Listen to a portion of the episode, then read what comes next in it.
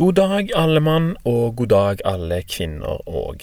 Jeg vet ikke om det er flest kvinner eller menn som hører på her, men det handler ikke om det i dag i det hele tatt. I dag handler det om nesespray og avhengighet. Har du hørt om det før? Det er et meget reelt problem for flere enn du skulle tro. Sjøl så brukte jeg ikke nesespray før jeg var godt inn i 20-årene. Jeg hadde egentlig aldri kommet på at det var noe som kunne brukes for å lindre ubehaget ved tett nese, og det var kona mi som introduserte meg for det den gangen. Ah, for en følelse. Hæ? Fri flyt av oksygen. Altså Det kjennes jo ut som det er sånn fire toms røyr som går rett inn til hjernen og fòrer med frisk luft. Omtrent sånn som det kjennes ut på dag fire eller fem når jeg faster. Helt herlig. Og det er en følelse som det er vanskelig å gi slipp på. Det er en av de tingene jeg merker når jeg bryter fasten. Det tetter seg litt til igjen. Og det siste halvåret har jeg òg merka at det tetter seg til. Ikke bare når jeg bryter fasten, men flere ganger om dagen. Hver eneste dag. Hvis jeg f.eks. har lagt meg og holder på å sovne, og så kommer jeg på at jeg har ikke nesesprayen tilgjengelig, da er det bare én ting å gjøre. Stå opp, finn nesesprayen, spray i nesen, og pass på å ha mer igjen i tilfelle det behøves i løpet av natta. Jeg har vært avhengig av nesespray før, men aldri så lenge som nå, og denne gangen her så har jeg latt, latt det gå unormalt lenge. Tidligere så har jeg klart å slutte hver gang jeg har fasta, for eh, jeg vet ikke helt hva det er som gjør det, men det kan jo tenkes at det er fraværet av betennelse som gir frie luftveier igjen. Men de siste gangene jeg har fasta, så har det ikke hatt samme effekten, rett og slett. Jeg har latt det gå for langt. Jeg ble skikkelig syk rundt eh, jul en gang, og har holdt det gående uten avbrudd helt siden da. Jeg har visst om det, men jeg har bare latt meg sjøl være avhengig.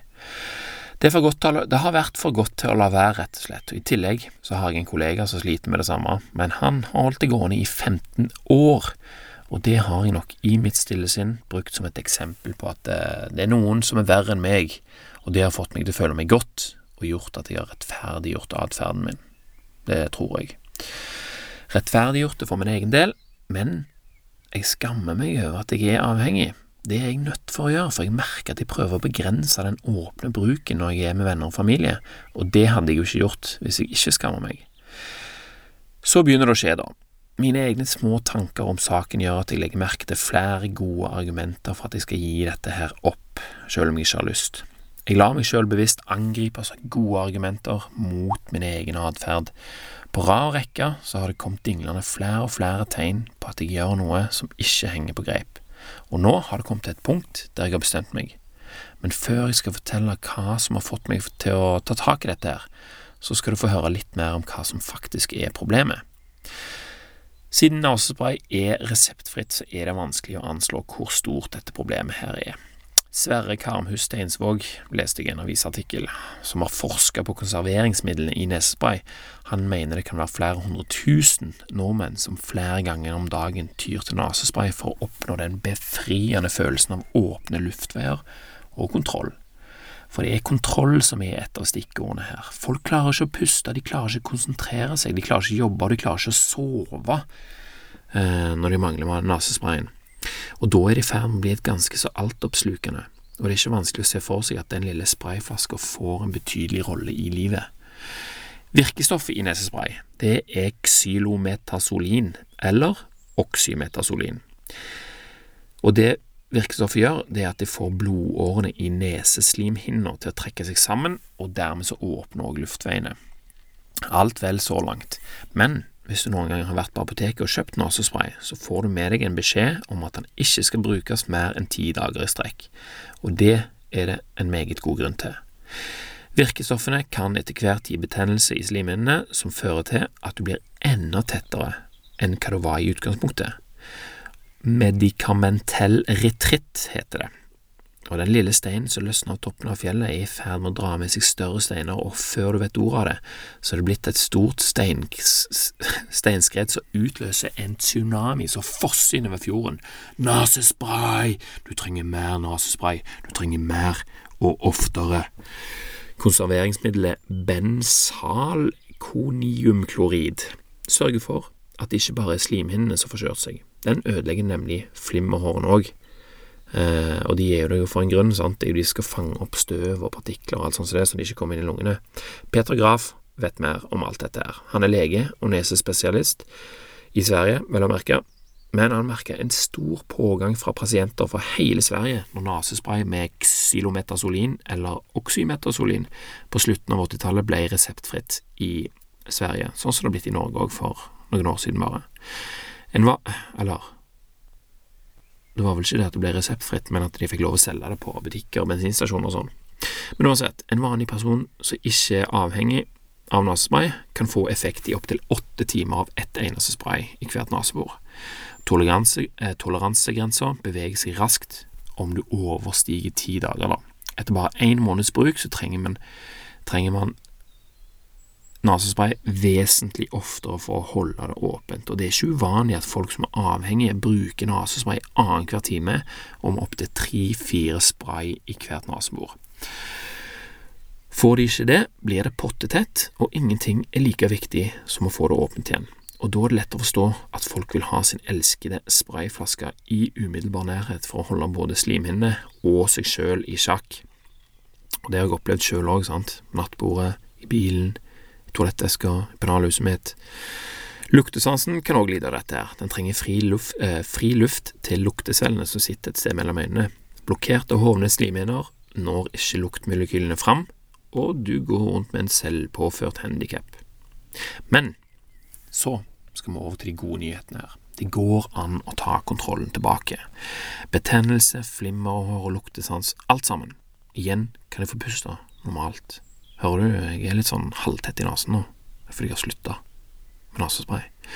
Jeg trenger bare tid og vilje til å tåle det ubehaget, ubehaget som oppstår. Én til to uker tar det før nesen blir mer åpen, og etter fire til seks uker forsvinner plagene helt, ifølge internett. Men hvis du er virkelig ute og kjører, sånn som min kollega kanskje, så kan det ta opptil ett år før ting er tilbake til normalen. Men underveis så vil du jo klare å puste, da. ok? Frie luftveier skal nok en, del, nok en gang bli en del av min hverdag, og det uten å ha kraften av nesesprayen og min egen frykt for mangelen av den hengende over meg. Men hva var det som gjorde at jeg begynte å tenke sånn, etter et halvt år der jeg har overbevist meg sjøl om at uh, dette er helt greit, hvorfor endrer det seg så plutselig? For det første så lå det jo en følelse der av at kona ikke likte dette. Det var jo hun som introduserte for meg, men jeg skal ikke skylde på hun. For hvem liker vel at ens eh, livsledsager er avhengig av noe så tullete som frie luftveier. Altså, det kan du jo få helt gratis hele veien. Så den visste jeg jo om. I tillegg så var jeg jo så enormt klar over at det var tullete sjøl, altså det er ingen god forklaring på hvorfor en skal være avhengig av nesespray, eh, bortsett fra det åpenbare, da, men jeg velger å si disse åpenbare tingene her nå, sånn at jeg lettere kan hente dem fram og konfrontere meg sjøl med hva det er jeg har sagt, når tiden blir vanskelig. På vei til jobb en dag så hørte jeg eh, på en Tim Ferris-episode med Michael Pollan som gjest. Han har skrevet et par veldig gode bøker, blant annet eh, Omnivås dilemma. Men den siste boka hans, som han var der for å snakke om, den heter How to Change Your Mind, og den handler blant annet om bruken av LSD og psilocybin som hjelpemidler ved for eksempel avhengighet.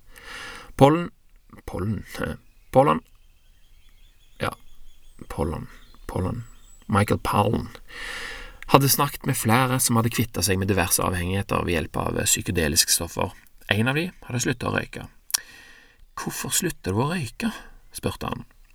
Vel, jeg, eh, jeg, fikk en veldig klar følelse av at pusten var veldig viktig for kroppen min, og at det ikke var lurt å dra røyk inn i lungene. Uh, ja vel, og det visste du liksom ikke fra, fra før av? Jo da, men det er dette her som er et såkalt duh moment. Man vet at det er sånn, man vet det veldig godt, men har bare blitt så god til å blokkere sånne åpenbare fakta for fornuften. Resultatet er jo ignorans og fortrengelse. Man trenger kanskje en skikkelig vekker i form av psykedeliske stoffer for å forstå og innse at dette er noe som angår en sjøl, at man blir i stand til å bryte med sine egne gode argumenter for å fortsette. Men selv om psykedeliske stoffer har evnen til å gi deg denne her insekten servert på sølvfat, så er det jo fortsatt mulig å klare det uten, bare ved å for eksempel tenke på det, stille seg spørsmål, si det som er åpenbart, altså servere seg sjøl et sånt the moment, eller følge noen andres eksempler. Og når jeg hørte dette, så tvang jeg meg til å stille meg spørsmål om nesespray. Hvor lenge har jeg egentlig tenkt å bruke det? Hvis det ikke er for resten av livet, så er det vel ikke noe poeng i å fortsette noe særlig lenger. Altså, det forsvinner ikke av seg sjøl. Men hva koster det meg å slutte? Hva får jeg igjen for å gjøre det? Så tenkte jeg på noe som jeg hadde hørt om eh, Richard Feynman, kjent fysiker, amerikansk fysiker. Han hadde jobba på laboratoriet sitt hele dagen, og han hadde stått skikkelig på og begynt å bli sliten. Det var blitt kveld, og når det nærma seg slutten på det han holdt på med, så, så tenkte han åh, det skal bli deilig å ta seg en drink etterpå. Men idet han tenkte dette, så ble han klar over hva det en, hva det var som skjedde. Det var en ekstern kraft som tok kontroll over han, og denne kraften forsøkte å kjøpslå med Feynman om hva han skulle gjøre. Skulle han ta seg litt fri, avslutte før han var ferdig? Han fortjente jo det. Dette her er en klassisk system 1 mot system 2, sant vel, og det skjer jo når du begynner å bli sliten.